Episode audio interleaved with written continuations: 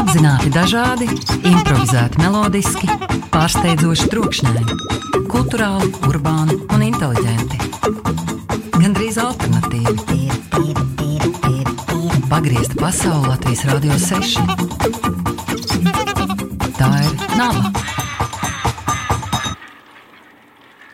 Nezāle par vidi cilvēkā un cilvēku vidē katru otro sestdienu, 12. Sveiciens šajā jaukajā, saulainajā un mazliet vēsajā dienā. Sveiciens Nezālē. Kā mēs jau visi zinām, kļūst tikai augstāks un augstāks. Un sākumā būs drēgns un lietains. Pēc tam varbūt būs sniegs, bet varbūt arī nebūs. Ir bijuši gadi, kad ir tikai drēgns un lietains. Dažiem no jums mājā būs silti, dažiem savukārt nebūs. Nu, tāda mazliet bēdīga aina, bet mēs varam paskatīties arī no otras puses. Ne jau velti, nu, tas pat es nezinu, cik gadsimtos mērojams cilvēki, jebkurus nepatīkamus stāvokļus un nepatīkamas situācijas arī pamanās izmantot kā iespēju. Un arī drēgnums un augstums ir iespēja. Tā ir iespēja mums norūdīties un par to Kā un vai to var izdarīt ne tikai tie apņēmīgie roņi, kas katru gadu skrien uz āliņģi un pēc tam liek bildes, vai arī neliek bildes Instagramā, bet uh, ko darīt tiem uh, likteņu skartajiem, kuriem vienkārši ir jāsalst. Varbūt, varbūt ir iespējams kaut kā pagriezt ne tikai mentālo skatījumu, bet arī veikt gluži tādas praktiskas fiziskas aktivitātes. Un par to mēs šodien runāsim ar rudīšanās treneru Māri Žundu. Sveiki, Māri! Labrīt visiem! Mūzikas redaktors Digis Taurīts un jautājumus uzdod es Sanita Rīvena. Tad ir pirmais jautājums, vai tas vispār ir iespējams, ja cilvēks ir apstākļu spiests un nonāk drēgnumā? Varbūt, nu, varbūt tā nav pareizā mentālā sagatavotība, nu, lai vispār kaut kā viņš varētu sākt rudīties, vai arī ir tomēr kaut kāda cerība. Ir cerība, ir cerība. Vēl, vēl ne, nesenie 100, 200 gadi mēs esam bijuši daudz adaptētāki augstumam nekā šobrīd. Tas viss ir iespējams, un, un kā tu pareizi sāki raidījuma sākumā, jā, tā sezona ir klāta, kad cilvēkiem sāk rasties šie jautājumi, vai var vai nevar, vai man tas der, vai man tas neder, vai es varēšu sevi teikt, augstumā izdzīvot, sasildīt. Un, Un, un, jā, tā sezona ir atnākusi. Tagad ir jāsāk darboties, un, un tas ir iespējams. Vai pie tevis arī nonāk tāds? Tas ir pilnīgi zinkārības vadīts jautājums. Es domāju, nu, pie tevis es tā patvaļīgi pieņemu, gan jau nonāk cilvēki, kas ir apņēmušies, bet vai pie tevis arī nonāk tādi izmisušie, kas vienkārši salst un domā tā, ko lai tagad iesāk? Vai... Jā, jā, tieši ko, tā ir. Kas bijuši? ir tas, ko viņiem saki? Nu, es apsveicu, viņu saku, nu, jā, laikam, līdz brošai jau ir tā sajūta, ka tu esi izdomājis vai izdomājusi doties šajā mācību ceļojumā. Uh, un tas notiek ja dažādos laikos. Citreiz cilvēki vasarās apņemās un saprot, ka šodien man ir kaut kas jādara, jo segu skaits vairs uh, nepalīdz. Jo jāku skaits vairs nepalīdz, un tu pats jau sāc saprast, ka, nu, kas tad būs tālāk, kas tad būs nākošais gads, aiznākošais gads un tā tālāk. Bet, es, uh, bet bieži vien cilvēki pie manis atnāk, varētu teikt, tās, tās metodas vai tās zināšanas, kuras es mācu, ir principā kā pārvaldīt stresu. Jo augstums ir kairinātājs, tāpat kā karstums. Bieži vien runāju par kontrastiem, lai mēs varētu adaptēt vai trenēt savu nervu sistēmu tiem apkārtējās vidas kairinājumiem. Un, un, un augstums uh, jā, ir tas stresa elements, un, teiksim, ledains ūdens vai rudenīgs ūdens vai, vai, vai milzīgs kontrasts. Viņš ir augstas intensitātes treniņš uh, fiziskajā slodzē. Mēs zinām, kāpēc augstas intensitātes treniņi ir efektīvi. Viņi ir ātri, īsi, un viņi strādā. Viņiem ir arī zinātniskais pamatojums, ka re, kur 15 minūtes padarbojies, un tev jau ir rezultāts. Un, protams, pie mūsu aizņemtā dzīvesveida tas uh, kļuva ļoti populārs. Un tad līdzīgi arī ar pasaulē, arī ar augstumu to tendenci. Un, piemēram, šonadēļ es lasīju vienu pētījumu, nu, principā tā tēma par pat, pat aiziet vēl tālāk, ne tikai par stresu, bet arī piemēram par, par ādas slimībām. Polijā tika veikts pētījums uz psoriāzes slimniekiem, kur cilvēki eksperimentēja ar šiem rīkiem, augstu ūdeni, kontrastu, arī ieskaitot arī elpošanas vingrinājumus, kas ļoti labi palīdz stresu trenēt un nervu sistēmu adaptēt. Un, un rezultāti ir pozitīvi. Tas arī palīdz šajā virzienā. Nu, visdrīzāk mēs šodien pieskarsimies kaut kādai tēmai, kāpēc, kur un tā tālāk. Bet nu, pamatā cilvēki pie manis nāk ar pēdējā laikā, it sevišķi ar dažādām nervu sistēmas kaut kādām problēmām, kas ir vai nu panikas lēkmes, vai arī pat veģetatīvās distonijas, kur cilvēki meklē tos risinājumus. Droši vien ir svarīgi to darīt arī pareizi, jo, jo šur pa kaktiem ir arī dzirdēti stāsti, ka cilvēki nav pareizi sagatavojušies un pamanījušies bišķiņ apsaldēties vai, vai padziļināt kādas veselības problēmas. Kas ir tā ābeks, kas jāņem vērā, ja cilvēks tomēr neaiziet pie tevis, bet noņem, nolēma tā kā, ej, nu es pats mēģināšu, ko vajadzētu noteikti ņemt vērā. Priekš vienas reizes un bildes Instagramā es teiktu, ka neko īpaši nevajag, vajag draugu, kurš ir kaut vienu reizi vai vairākas reizes bijis ielienam, izdarām, tas ir pilnīgi izdarāms jebkuram cilvēkam.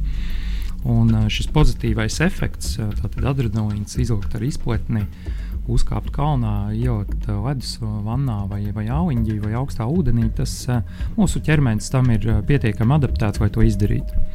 Kur, šā, kur sākas nianses? Nianses sākas tajā, ka uh, kļūdas mēs pievēršam, tā teikt, viņas parādās ilgtermiņā, ja mūsu kopējais dzīvesveids um, nav pietiekami optimizēts vai pietiekami veselīgs.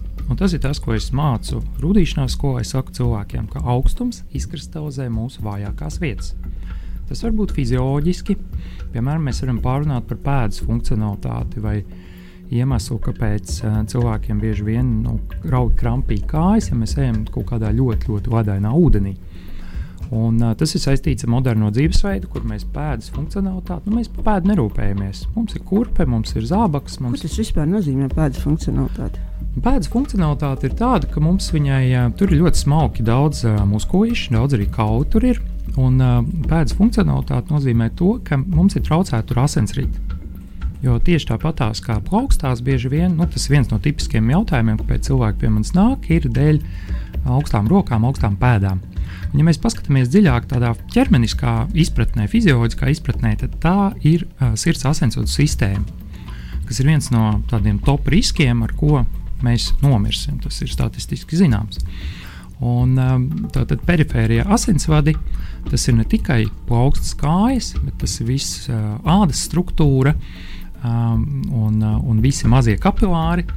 Ir tie, kas ir mūsu siltumtrūks, Bet, ja mums tā pēda un tie smalkie um, gan asinsvadi, gan muskuļi nedarbojas, un mēs to pēdu nekustinām, jo mēs viņu esam iespiedījuši kurpēs, mēs nekustamies, sēžam, maskustīgs dzīvesveids, par to runā ļoti daudz, tas ir fakts. Un, uh, tas arī ietekmē to, vai mēs varam ieiet tajā augstajā ūdenī vai kontrastā un uh, pozitīvi uh, piedzīvot to piedzīvojumu. Tātad tā ir tikai pēda. Mēs tagad grimstam dziļāk iekšā. Kas mums vēl notiek? Tad mēs varam apstāties pie ceļa locītavas. Bieži vien cilvēkiem ir um, ceļa locītava arī ir uh, problemātiska, problemātiskāka apasiņošana. Un uh, arī dēļ tā paša maskustīgā dzīvesveida bieži vien mums izpaužās dažādas tādas chroniskas saslimšanas, kas arī ir locītavās sāpes, uh, kaut kāds diskomforts vai vai locīto šķidrums neizdevās. Nu, kaut kādas tādas fizioloģiskas nianses var parādīties, un augstums arī tur var parādīt. Kā visbiežāk tas parādās, es cilvēkiem saku, pavērojiet, kāda ir jūsu ādas krāsa, kad jūs izejat ārā. Pozitīvais virziens tāds, ka virsādas slānis ir vai nu rozīgs, sarkanīgs, tad apasiņošana notiek. Ja puķos ir kaut kur zils, tad pavērojam, vai tas turpinās, vai pāriet, vai uzlabojās šī situācija. Un tad mēs ejam tālāk, ja mēs grimstam iekšā ūdenī. Mēs aizējām līdz milzīgai problēmu zonai, kas ir iegurtas. Gan vīriešiem, gan sievietēm tā ir milzīga zona. Uh, problēma zona, kur mums šobrīd daudz kas uh, izpaužās. Tātad uh, cilvēki ļoti bieži baidās par urīnceļu iekaisumiem, par iekšējo orgānu iekaisumiem, kas ir tieši šajā rajonā, bet kur ir tā nianse?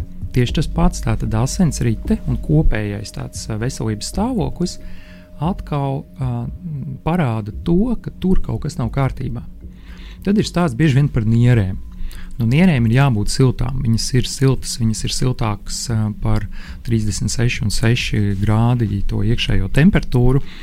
Un, ja mēs pieliekam rokas aizmugurē, tad mēs varam to siltumu sajust, ka tur ķermenis to ir uh, iegūs. Ja mēs sajūtam, ka ir kaut kāds augstums un vēsums, iespējams mēs varam skatīties dziļāk uz iekšējo orgānu darbības principiem, un iespējams kaut kas nav kārtībā ar nieru funkciju. Un nieras arī pieder pie tās pašas urīna ceļu vai filtrācijas sistēmas, un ja mēs kopā liekam kopā tā pa kucīšiem, Um, nākamais posms, kurus teiktu, mēs pievēršam parasti uzmanību, tad, kad mēs iedomājamies, tagad mēs tādam iešanas ceļojumam bez maz vai auņģī ja, izjūtam. Uh, mēs, um, pirmais, protams, ir uh, no sirds asins sistēmas viedokļa, kad mēs esam iemērcamies ar krūšu kurvi, tad mēs skatāmies, kā sirds uz to reaģē. Teiksim, visdrīzāk mums um, aktivizējās pulss, paaugstinās sirdsdarbība, Un šeit mums pieslēdzās nākamais elements, kas ļoti būtisks visā šajā procesā, tā ir elpošana.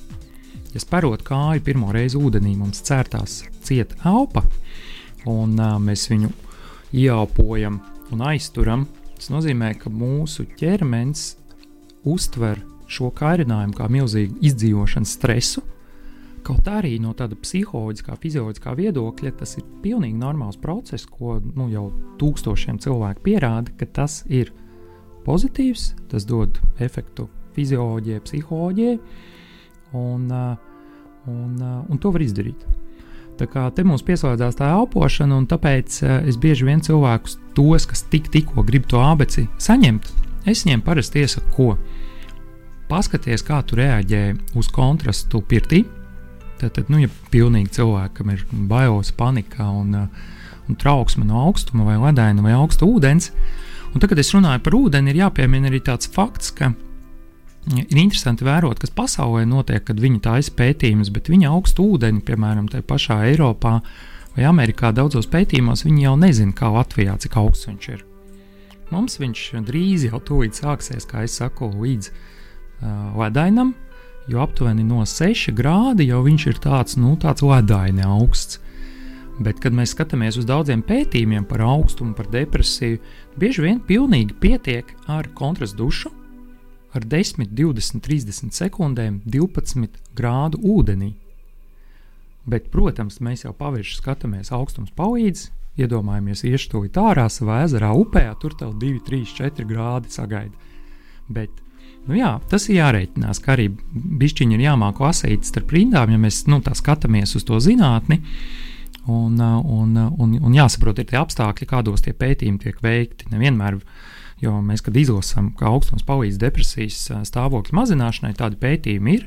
Mēs paskatāmies dziļāk, jā, tie pētījumi tiek veikti kaut kādos apstākļos, kur tas ūdens nav tāds kā mums, un vide, ir, vide ikdienā ir savādāka nekā mūsu drēgnais rudens, kas ir smags periods ļoti daudziem, arī ziema un pavasaris. Teiksim, Un tas arī kādreiz ir bijis smagākais periods latviešiem. Ja mēs palasām uh, senāko literatūru, mēs tur varam redzēt, ka ziema ar sniegu lielākais risks senotviešiem bija, ka viņiem nozags um, apkurs, uh, nu, ma malku nozags.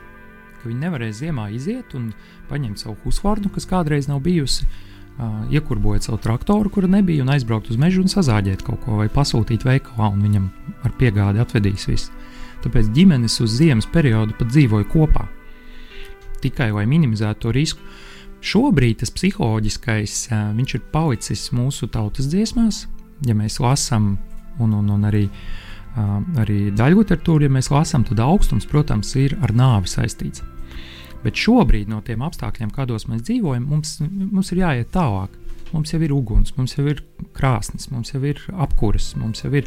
Tagad mums vajag ne, nepā, neizdarīt sev tik daudz pāri, vai organisms saprot, ka viņam vajag tomēr tos siltuma vadus un ka viņam vajag dot to kairinājumu ar augstumu, vai viņš adaptējās. Pirms mēs ejam tālāk, iesim muzikālajā pauzē.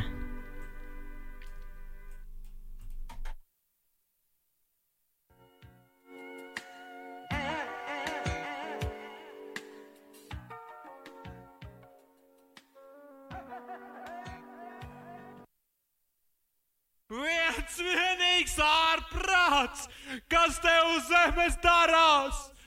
Cilvēki viens otru nogalina. Tas vairāk vairs nav izturams nemaz. Ak, ārprāts viens vienīgs! Bet tagad plīst tas cits līdz, tas cits līdz.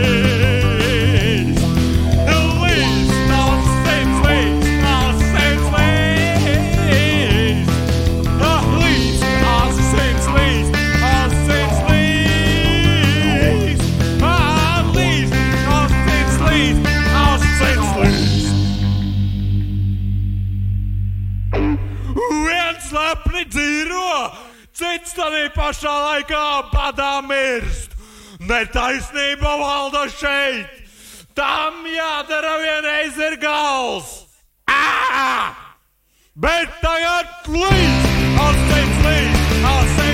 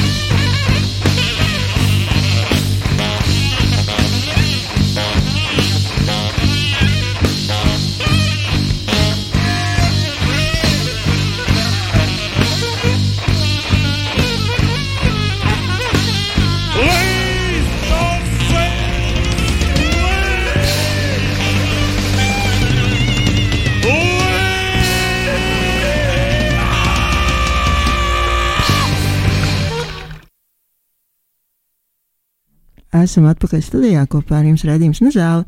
Šodien uh, mēs jums dāvinam iespēju, kā kaut ko nosacīt sliktu, padarīt par kaut ko nosacīt labu, proti, kā augstam izmantot savā labā, drēgnam izmantot savā labā, savas veselības labā, un sarunājamies šodien mēs ar Māru Žundu, mūzikas redaktors Digis Taurītis, un jautājums uzdod es Sanita Rībena. Klau, Māri, man tev, uh, nu, tāds jautājums, ja, piemēram, nu, man, piemēram, ir tā, man ir arī bijuši vairāk tādu precedentu ar uh, augstumu, kas rada nu, bēdīgas sekas. Un, un viens ir tas, ka es kā, nu, racionāli saprotu iemeslus, ka varbūt nav bijis pareiza uzvedība, un tur ir kā, nu, nezinu, tāds tā kā kopums, nu, norišu kopums, kas ir novedis pie kaut kādām sāpēm vai, vai, vai slimības, bet tas man kaut kur ir iesēdies kaut kādā failā, kaut kur smadzenēs. Un, un reizēm, kad man ir augsts, man ir tāds veids, ka man viss sāp, ne tikai ķermenis, bet arī, nu, man liekas, man domas galvā sāp.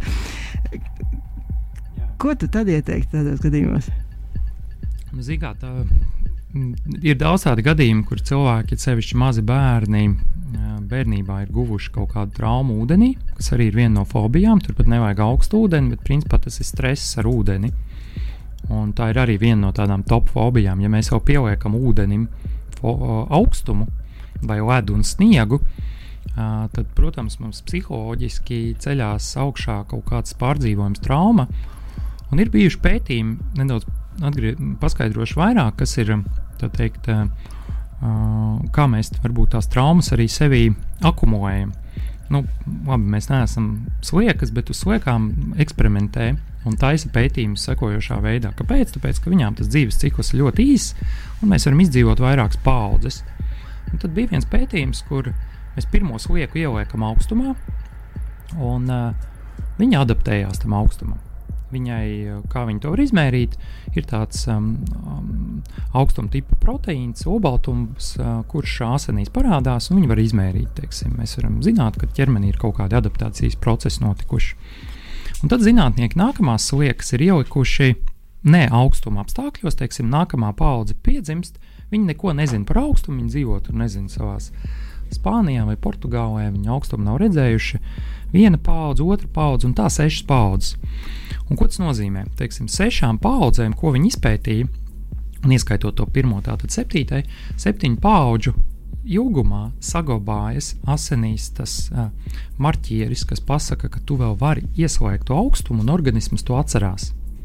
Tas nozīmē, ka ja mēs septīto paudzi sliekas ieliekam augstumā, tad viņa atkarībā no vides viņa paņem un ieslēdz procesus, ka viņai tas augstums viņa adaptējās. Viņa atcerās to, ko pirmā pirms septiņi gadi.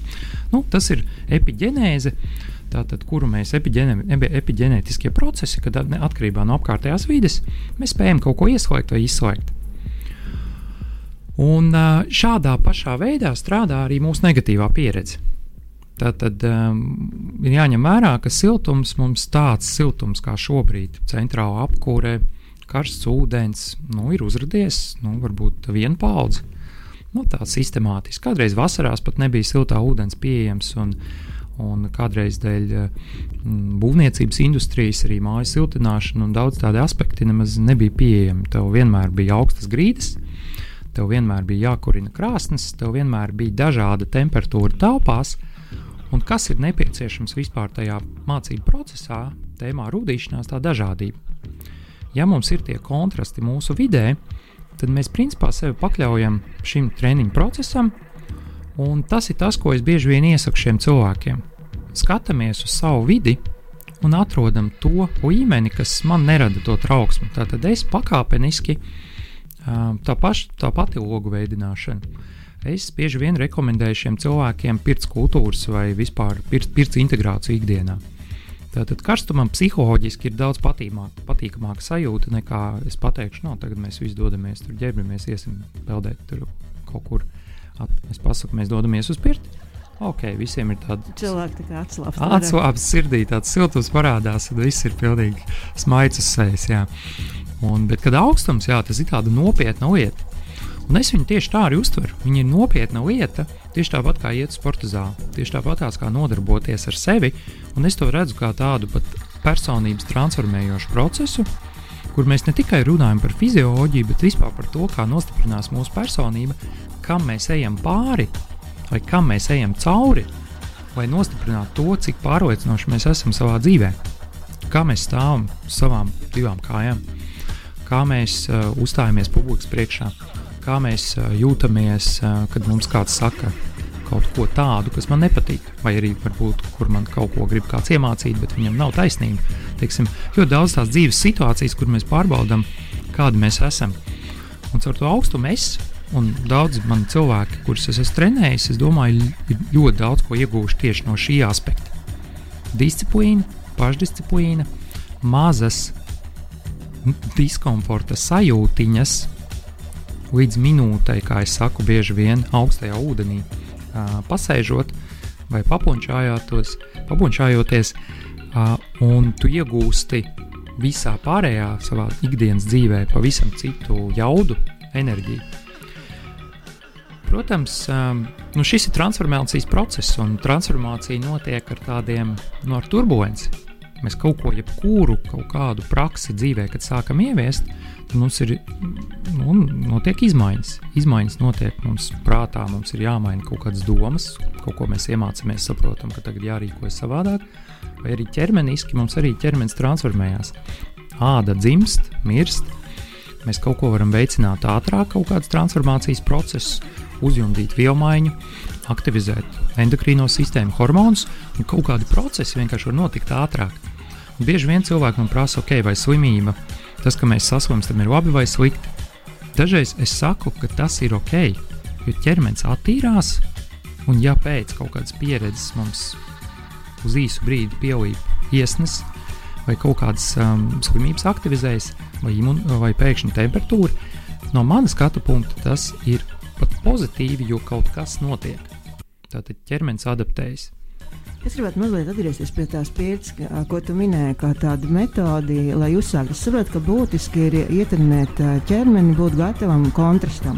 Jā. Augstums, karstums un psiholoģiski daudziem ir vieglāk sākt ar to karsto sadaļu nekā ar augsto. Tas nozīmē, ja cilvēkam ir kaut kāda trauma no augstuma un, un mājās drēgns, tad faktiski ar ko viņš var sākt? Viņš var sākt vai nu ar kontrastu dušu, vai arī sākt regulāri apmeklēt pirti. Tas varētu būt tāds pirmais solis. Jā, tas ir pirmais, un es teiktu, pat ļoti pozitīvs, viegls uh, un ļoti jaudīgs solis. Viņš ir liels, jo pirms tā soļa jau ir noticis lēmums, ka es to gribu. Tātad kaut kāds transformācijas process, vai vajadzība, vai sāpe jau ir ierunājusies, un to vajag apzināties. Un tad tas vieglais solis ir ar kontrastu, ir tāds, ka mums ir uh, nepieciešams pat nevis pat visu ķermeni iesaistīt šajā procesā, bet pietiek ar plaukstām un pēdām, jo tur ir ļoti daudz nervu galu. Tāpēc basu kāju staigāšana rudenī, piemēram, šobrīd arī ir viens no mehānismiem, kā mēs varam jau padot caur pēdām ķermenim signālu, o, oh, paliek vēsāks, jāsāk adaptēties. Jo savādāk, ja mēs visu laiku uzturamies siltumā, kontrast, nav kontrastu, ir konstanta temperatūra, biroja tēkās, centrāla apkūra Rīgā pilsētā, kur ir mums visu laiku viena temperatūra. Un, ja mēs paši neradām to kontrastu, tad ķermenis saprot, ko klausies, nu, laikam to, to, to, to termoregulācijas procesu caur augstumu nemaz nevajag. Jo tu jau dzīvo vidē, kur viss ir šokolādē. Nu, tā kā viss ir silts un viss ir forši. Man arī uh, augstums sas, uh, sagādā diskomfortu vēl joprojām. Es, bet es uz viņu skatos kā uz tādu, ok, es zinu, kāpēc es to daru, jo tas ir nepieciešams man gan fiziski, gan psihoemocionāli, kā treniņš, lai pārvarētu grūtības vai um, tikt galā ar savu slinkumu, vai um, attīstītu savu personību. Jā, tātad vieglais variants ir vienkārši reāli strādāt ar kontrastiem, arī ņemt uh, ūdeni, pa augstās vēso ūdeni un skaut seju, uh, kas ir caur seju arī mēs iedodam signālus uzreiz ķermenim. Un tādā veidā jau dienas laikā, rīts, vakars, mēs jau sākam integrēt. Vai arī reizes nedēļā Es kā, nu, kā minimums rekomendēju pirts apmeklējumu. Jo pirtī kas notiek? Pirtī jau mēs arī ar kontrastiem spēlējamies. Tur arī obligāti ir jādzesējās. Mēs gan pēdas, gan plaukstus pakļaujam kontrastiem, vēsumiem. Es tieši arī uz pirti taisu ledainas ūdens vannītes, taisu ļoti karstas vannītes un ar kā kontrastiem spēlējos. Tieši trenēju pēdas, plaukstas, aplaistos ar ūdeni tā vide ir ļoti pateicīga mums. Es domāju, mums, latviešiem sevišķi mums pirts vispār kultūra ir. Nu, tā, tā, tā ir mūsu, tas mūsu asinīs, tā kā tur vienkārši jāizmanto. Piesaka nākamā muzikālo pauze. Par vidi cilvēkā un cilvēku vidē katru otro sestdienu, 12.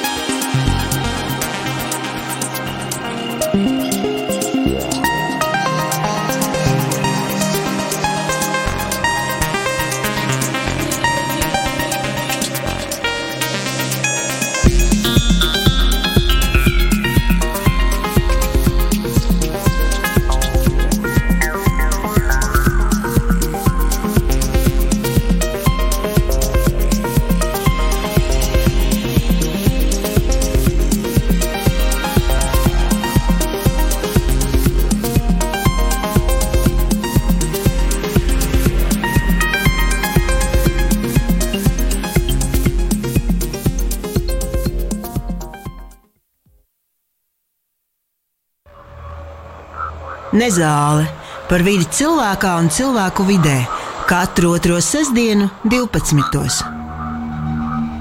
Esam atpakaļ sarunā. Šodien mēs runājam ar Māri Žunu par augstumu, par kontrastiem, par to, kā nepatīkams uh, ārējos un kaut kādā ziņā arī iekšējos stāvokļus. Jo, jo ne visiem cilvēkiem augstums rada tās patīkamas asociācijas. Līdz ar to tas nevis kļūst ar iekšējo stāvokli.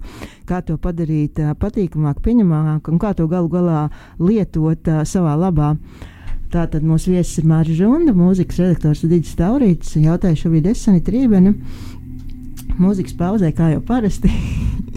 atvērās vēl citas iespējas sarunai. Viena no tām bija par atšķirību starp bērniem un pieaugušiem. Daudzi no mums ir novērojuši, ka tādi mazi bērni var skraidīt pāri plikām kājām un vispār plikiņu labprāt. Un, un, ja mamma grib kaut ko siltu uzvilkt, tad viņi ir ļoti sašutuši savukārt. Un mammas baidās, ka tie bērni vienkārši nosals un nomirs. Un uh, mūzikas pauzē Mārcis teica, ka tam ir arī fizioloģisks iemesls. Vai tu varētu par to vairāk pastāstīt? Jā, dabā mēs tiešām to esam novērojuši, ka bērni vasarā peldās, pieaugušie nē. Un, fizioloģiski mums ir vairākas nianses. Viens ir, pievērsīsimies tēmai, mm, bērniem piedzimstot, māte daba ir parūpējusies, vai viņiem piedzimtu drošā vidē. Respektīvi, māte daba domā, ka viņi piedzims nedrošā vidē, kur ir augsts, un tāpēc viņi ir iejaukusi tādu aizsargu mehānismu kā brūnos taukus. Brūnie tauki šķeļoties ar baltiem taukiem, kuri mums ir pilnīgi pietiekami organismā, paaugstina ķermeņa temperatūru. Tātad brūnie tauki ir obie tauki, un, un, un, un baltie tauki ir tie, kas nav tie obai. Bet nu, mums viņi ir vajadzīgi jebkurā gadījumā pareizajā proporcijā. Un, ja mēs uh, turpinām dzīves laikā sevi pakļaut kontrastiem un saglabājam normālu ķermeņa masas indeksu, pieaudzis cilvēks, un mums ir periodiski tie kontrasti, augstums mūsu vidē, tad brūnie tauki pēc pētījumiem arī pieaugušiem cilvēkiem saglabājas.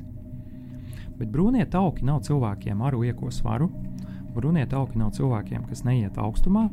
Un šis ir viens no instrumentiem, kuru mēs nu, dabīgi sev kā, izolējam, pazaudējam dēļ tā, ka mēs uzturamies pārāk siltās temperatūrās.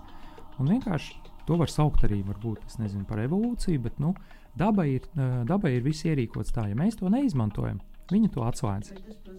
Vai tas pazūd pavisam, vai ir iespēja to dabūt atpakaļ? To ir iespējams dabūt atpakaļ. Un tas ir tas, ko uh, es arī mācu, kā rūtīšanās dzīvesveidu. Ir jāintegrē šie kontrasti sistemātiski savā dzīvē, un ir pētījumi, kas pierāda, ka tas atjaunojas. Tā kā jā, mēs to sākam izmantot, tad mums atkal parādās šī funkcija sevi sasildīt. Vēl viena atšķirība ar bērniem un pieaugušiem ir tāda, ka gan bērniem, gan jauniešiem ir uh, biomaiņas procesi aktīvāki. Tātad uh, bioreģenerācija, arī sirdsdarbība ir ātrāka. Tas nozīmē, ka asins rīta riņķo daudz ātrāk un jaudīgāk nekā tas ir pieaugušiem cilvēkiem. Un, protams, pieaugušo maskustīgums, par ko mēs jau sākumā runājām, ir arī uh, viena no tēmām, kas ietekmē to, vai notiktu efektīvi caur asinsvadiem apziņošanas procesi visā ādas struktūrā, pēdās, rokās un, un, un iekšējos orgānos. Tā kā varētu, nu, es, es teiktu, ka tās ir divas būtiskas atšķirības, kas atšķir mm, jauniešus bērnus no, no, no pieaugušiem. Klau, tu minēji, ka ir tādi nu, tā pirmie soļi, ko var darīt cilvēki, kuri nu, nav tādi pārlieku atvērti augstumam, bet varbūt viņiem nav kur sprukt, jo viņiem salst. Tas, protams, ir kontrasts, un tas ir pēdas, un plaukstas un seja. Vai ir kaut kādi arī ieteikumi attiecībā uz uzturu? Ko arī vajadzētu varbūt ieviest, vai pamainīt, vai uzlabot, vai, vai kas būtu palīdzoši šajā ceļā?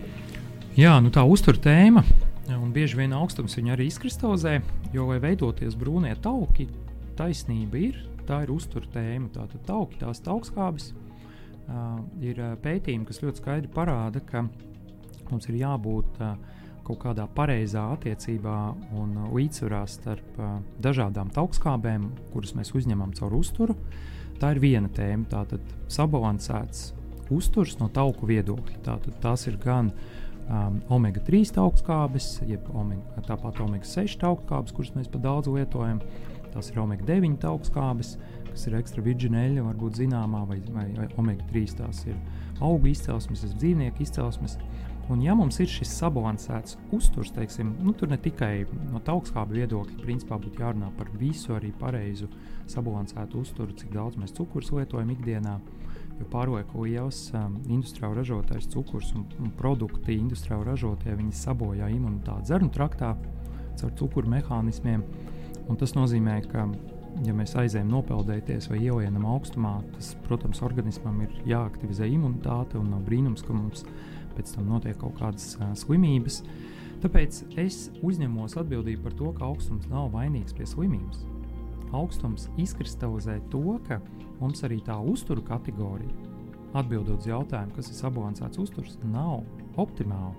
Un saprotot to, ka enerģija rodas mazajās tādās šūnu vienībās, mitohondrijos, kur, kas ir mūsu tās power bankas, kas ražo siltumu. Un tas ir tas, kā teiksim, gan mans skolotājs Vims Hofs, gan, gan, gan Tibets jogi kalnos augstumā var sēdēt un nekustēties un radīt siltumu. Viņi to rada nevis tāpēc, ka viņi ir uzkrājuši savu balto tauku kārtiņu un var norobežot sevi un aizsargāt no apkārtējās vidas, bet viņi to ir panākuši nu, par tāpēc, ka viņiem ļoti iek, efektīvi iekšējie vielmaiņas procesi. Un tas notiek uh, principā mitohondrijos, kas ir šūnas mazākā power stacija. Un, lai viņu pabarotu, ir pašiem jāatbild uz jautājumu, kas būs sabalansēts uzturs. Un tas nozīmē, mums ir vajag ogļhidrātus, tauku ielas, mums vajag obaltumvielas pareizi, mums vajag mikrovielas. Mēs nedaudz um, uh, runājām arī uh, aiz, aiz, aiz ētera par dažādiem teiksim, antioksidantiem, kas ir kanēlis un, un, un daudz citas vielas, kas arī var veicināt uh, temperatūras regulācijas procesu. Piemēram, um, asais pipars uh, var samazināt temperatūras receptoru jūtīgumu. Tātad, uh, kāpēc austrumos ļoti daudz tās asās um, as, as vielas tiek lietotas? Viņas temperatūru samazina. Teiksim, tas uh, peperīns. Uh, Kā, kā, kā, kā antioksidants var uh, samazināt temperatūru tie, tie mehānismi ir tādi. Tā kā uztur tēma un augstums ir saistīts. Savā dzīvē es pēdējo desmit gadu laikā esmu būtiski mainījis, um, ejot ceļu, mācot cilvēku par augstumu. Jo līdzīgi kā tu man pajautāji, ir daudz cilvēku, man sāka gan prasīt, gan arī viņi teica, klausies, es eju augstumā, visu daru, bet man nu, kaut kā, nu, nu, kā nav, tā nav. Un, un, protams, ir jārunā arī par um, uh, vairogdzēdzeri, kas ir um, viens no tādiem termoregulācijas um, regulētājiem, teiksim, hormons tiroksīns, ir uh, tas, kurš uh, viņa daudzums vai mazums uh, nosaka to, kāda ir tā uh, enerģijas uh, ražošanas tā jauda vispār organismā. Tā, tā ir ļoti cieši arī tāda endokrīna, um, endokrīnās sistēmas vai hormonu sistēmas uh, jautājums. Tā kā es teiktu, būt augstuma izturīgam nozīmē būt mega krūtam, veselam, priecīgam, ķermeniski, psiholoģiski. Tas ir arī mans tāds, um, aicinājums, kur es pats dodos, un arī aicinu citus šajā pievienoties.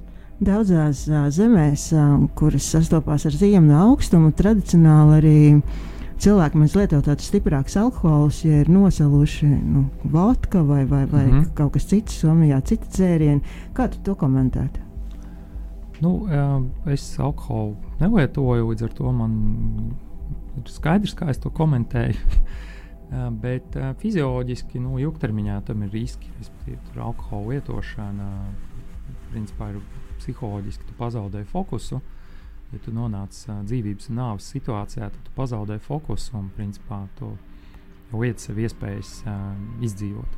Nu, tas, ka mm, tad, kad tu jau esi siltā vidē un ar alkohola palīdzību tu vari asinsriti veicināt, nu, tā ir padomu sistēmā tik izmantot metode teiksim, maziem bērniem.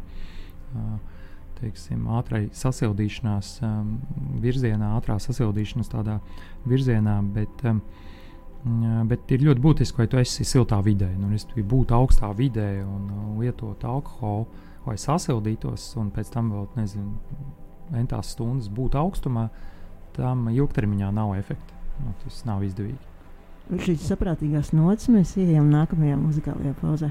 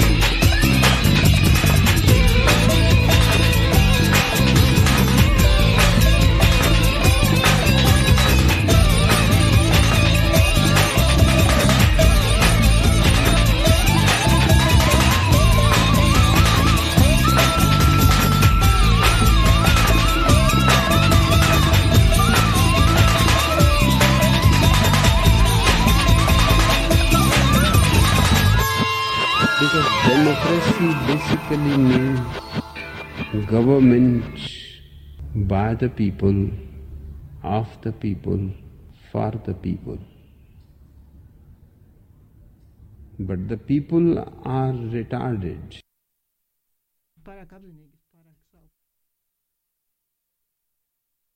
Sveiciens, esam atpakaļ studijā. Kopā ar jums rādījums Nezāle. Vēl tikai apmēram desmit minūtes mēs būsim kopā ar jums. Runājam šodien ar Māri Rundu par augstumu, par augstumu kā par iespēju. Ticiet man, man arī nav viegli šo vārdu savienojumu izteikt, jo man, nu, es neesmu nekādā sajūsmā par augstumu, bet, nu, vajag jau sevi attīstīt un vajag jau būt tik drosmīgam un skatīties bailēm acīs. Idejas, redzījuma idejas autors ir Digis Taurīts, viņš arī ir mūzikas redaktors, pēdējās minūtes, kas mums atlikušas, mēs gribētu ieskicēt arī to, kāpēc ir būtiska tāda lieta, kā Es pat negribu teikt pareizi elpošana, bet elpošana kā tāda vesela nozare, kā tāda vesela atklājuma zona. Un skaidrs, ka tādās desmit minūtēs mēs visu neizrunāsim, bet runājot par augstumu un elpošanu, tad Mārcis ieskicēs, kāpēc ir būtiski to ņemt vērā, tam pievērsties un to pētīt un prakticēt. Viena lieta, viena lieta, ko es um, parasti cilvēkiem, kas vēl nav saskārušies ar augstumu, es iesaku arī pavērot, kā ķermenis reaģē, kad mēs rokas ieliekam augstā ūdenī. Un tā reakcija ir tieši atgriezniskā saite elpošanā. Vai mainās mūsu elpas ritms, vai mēs sākam elpot ātrāk, lēnāk, vai mēs sākam elpot caur muti, vai mums turpinās deguna elpošana. Un uh, šī ir atgriezniskā saite, kā patiesībā ķermenis jūtas. Un mūsu uzdevums ir no augstuma ir nevis iegūt to, ka augstums ir vēl papildus stress vai milzīgs stress vēl visam mūsu stresam, kas šobrīd uh, pasaulē notiek, bet mūsu uzdevums ir caur augstumu iegūt mieru, lai organisms nomierinās. Un tāpēc ļoti būtisks aspekts ir spēt novērot sevi no malas, paskatīties vienkārši kā mainās. Tu pareizi minēji, nav pat jāatbild uz jautājumu, kas ir pareizi, nepareizi, bet vienkārši saprast, vai notiek izmaiņas. Un, ja ar rokām mēs nepamanām nekādas izmaiņas, bet visdrīzāk pamanīsim, ka kaut kas mainās, sirdsdarbība, elpošanas ritms, tad mēs varam iet nākamajā līmenī, tieši tāpat ar pēdām paspēlēties vai uzliet ūdeni augsto uz ķermeņa un paskatīties, kas notiek. Varbūt arī kādam plecs savalkās, varbūt kādam rokas savalkās čokurā, varbūt kādam kaut kas, nu, viss ķermenis savalkās, un tad izmainās elpošana. Un es gribu atklāt pāris tādus fizioloģiskos noslēpumus. Tātad tas, ko es cilvēkiem dalos, ir mēs dodamies augstumā, um, vai ja mēs esam ūdenī, tad mēs iegremdējamies uz izelpu. Tāpēc, ka izelpa fizioloģiski aktivizē nomierinošo nervu sistēmas daļu, kas ir parasimpātiskā nervu sistēma, kura šobrīd mums ir nu, pilnīgi nojukusi. Viņa atbild arī par miegu, tāpēc augstums un miegs ir arī viena no tēmām, kuras mācu. Jo ļoti būtiski ir, kā, kā mēs arī miegā elpojam. Bet, uh, un, ja mums ir ieelpa, ejot iekšā ūdenī, un mēs pat viņu aizturam, tas nozīmē, ka mēs izjūtam milzīgu stresu. Un tāpēc es arī sākotnēji teicu, ka priekš vienas reizes nu, nevajag tur ne māri, nekādu. Vienkārši ieejam, izskrienam, nopeldam un sajūta būs fantastisks, jo tas ir kā izlikt ar gumiju vai izplatni. Nu, izdzīvos, nu, viss būs kārtībā. Bet uh, ilgtermiņā ir svarīgi, lai ķermenis ne, neieankuro pieredzi, ka augstums ir stress Un tas ir tas, ko es redzu uz ielām, ka ir pilnīgi cilvēki, kas staigā un redzēt, ka viņi ir sačokurojušies jau ziemā. Viņiem ir, Jā, viņi ir saspringuši, jo ienaidnieks ir atnācis. Jā, jo ienaidnieks ir atnācis un, un viņš nāk katru rudeni. Katru rudeni, katru gadu. Un, tā visu mūžu. tā visu mūžu, jā, un tad mēs sapņojam par to, ka neesmu radīts šajā vietā dzīvot un tikai tur siltajās zemēs. Jā, jo saules te nav. Jā, saules mums arī te nav. Bet, uh, diemžēl, varbūt sarūktināšu daudz cilvēkus, kas visu laiku domā, ka nu, kaut kā jātiek prom no Latvijas. Ir, ka nē, caur augstumu ir vienkārši jāiemācās mīlēt tā vide, vieta, ziemeļi, kur mēs esam radīti un dzimuši, un to var. To var, un es to arī sevi esmu atklājis, jo kādreiz arī bija izteikti siltuma mīlestības. Un šobrīd jau es iemācījos sadzīvot ar siltumu, ar karstumu, ar augstumu, ar ledu, ar sniegu, ar drēgnumu būt spēcīgākam par šiem dabas faktoriem, tas ir tas, ko es iemācījos. Nu, jā, un elpošanai ļoti būtiski saprast tos mehānismus, un tāpēc, ejot um, šobrīd dušā vai kādā augstuma peldē, es uh, rekomendēju cilvēkus pavērot, kāda ir viņa elpošana un pieķert um, problēmās. Visdrīzāk viņas būs, jo nu, mācot arī dažādas elpošanas tehnikas, uh, es uh, redzu, ka tur uh, darba ir ļoti daudz. Jo lielākais mīts mums liekas, ka elpošana nav jātrenē, mēs taču tāpat elpojam, tur viss notiek automātiski. Un tā ir tā lielākā kļūda, kur mēs visi vispār pieņemam, ka viss notiek automātiski. Un ķermenis izvēlās tādu racionālu, sliktāko ceļu ilgtermiņā, kāds mums nav vajadzīgs. Un tāpēc mums vajag apzināti pieiet daudziem procesiem, gan ar augstumu, gan ar karstumu, vērot savas atgriezniskās saites, sajūtas, arī ar elpošanas tehnikām strādājot, ir jābūt ļoti apzinātiem, klātesošiem, saprast, kā tas man ietekmē, kā tas ķermeniski man ietekmē, kā tas uh, prātiski man ietekmē. Un tad to visu likt kopā un integrēt tajā 3D pasaulē vai uz Zemes, kur mēs esam. Jo nu, nekur, nekur tālāk mēs te domāju, tā kā, tā kā tepat vien būs jādarbojas, rudens un ziema būs jāpārdzīvo. Tā kā, nu jā, un elpošanas tehnikām ir nu, ļoti, ļoti daudz dažādi vingrinājumi. Gan, gan slavenais Vima Hofa elpošanas vingrinājums, ko jūs varat papētīt, palasīt, paskatīties. Gan dažādi citi lēni elpošanas vingrinājumi no jogas pasaules, gan no biznesa pasaules. Ir ļoti daudz, teiksim, visdažādākie. Ir jāsaprot, ka visiem elpošanas vingrinājumiem ir kaut kāds nodoms. Viņi kaut ko var ieslēgt, kaut ko var atslēgt, viņi var nomierināt, viņi var aktivizēt. Nav tāda pareiza, nepareiza, bet nu, es pieminēšu varbūt piecas lietas, ko es parasti saku, cik mums, kas mums būtu jāievēro ar elpošanu. Tātad viņai ir jābūt deguna, simtprocentīgi tātad deguns ir vaļā jādabūna. Tas ir liels izaicinājums ļoti daudziem cilvēkiem. Otra viņai ir jābūt uh, diafragma. Tas ir diafragma, ir pamatmuskulis. Nu, šeit mēs sakām, tā ir vēdera elpošana, bet es drīzāk teiktu diafragmāli. Um, trešais mums jābūt klusai. Mums nav jādzird, kā mēs elpojam. Ja viņa paliek skaļa vai mēs krācam, šņācam, tā jau ir traucēta, neefektīva, problemātiska. Viņai ir jābūt vieglai no muskuļu viedokļa, nav jābūt slodzei. Nav jābūt tā, ka mēs smagi ieelpojam, muskuļus sasprindzam un izelpojam. Un, nu jā, un viņai jābūt sinhronai. Ja mums izkrīt sinhronitāte, mēs vai nu izelpojam garāk, vai ikdienā ieelpojam garāk, tas nozīmē, mēs izjaucam nervu sistēmas darbības principus. Un šie ir tādi pamatbaušļi, kurus vienlaicīgi ir jāievēro. Un tur ir tā sarežģītība vienlaicīgi saprast šo, vienlaicīgi to ievērot. Un, uh, un tāpēc ir vajadzīgi principā elpošanas treniņš, elpošanas dažādi vingrinājumi. Un, uh, un viņa ietekme ir milzīga uz to, kā mūsu nervu sistēma reaģēs augstumā, kontrastā. Mēs varam ar elpu sevi nomierināt, lai tas augstums nebūtu tāds augsts, kā varbūt mums ar acīm liekas, ka viņš varētu būt. Nu, varbūt tā īsumā. Paldies, Mārija. Mums uh, redzējums tuvojas izskaņai. Noslēgsim uh, sarunu mēs ar uh, pēdējo muzikālo pauzi. Tiem, kas uh, ieslēguši savus radio tikai tagad, uh, varat klausīties atkārtojumu vietnē LSM vai arī um, cik mēs esam tajās vietnēs podkāstā. Visās, jā, sakot, varat klausīties arī kā podkāstu. Šodien mēs runājam ar rudīšanas treneri Māri Žundu. Rādījuma idejas autors ir Digis Taurītis. Jautāja es Sanita Rībena. Nākamajā nedēļā klausieties mūsu kolēģi Zotēku. Un uz tikšanos pēc divām nedēļām sestdienā. Lai jums skaista diena un nu, ko sāciet trūdīties. Nezāle par vidi cilvēkā un cilvēku vidē katru otro sestdienu, 12.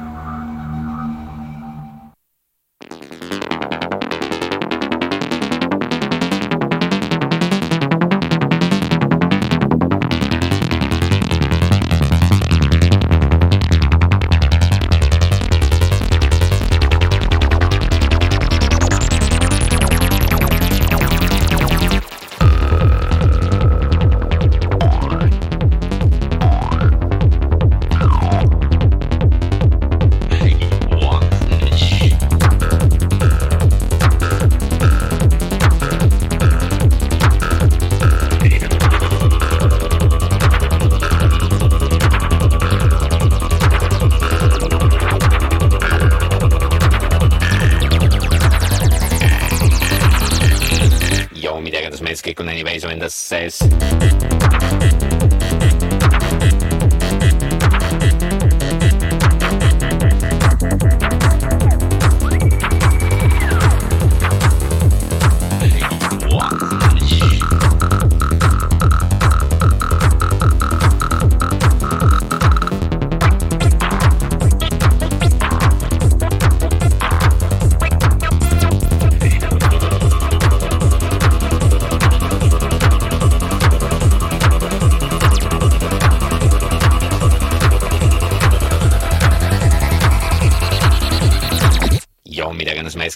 2026.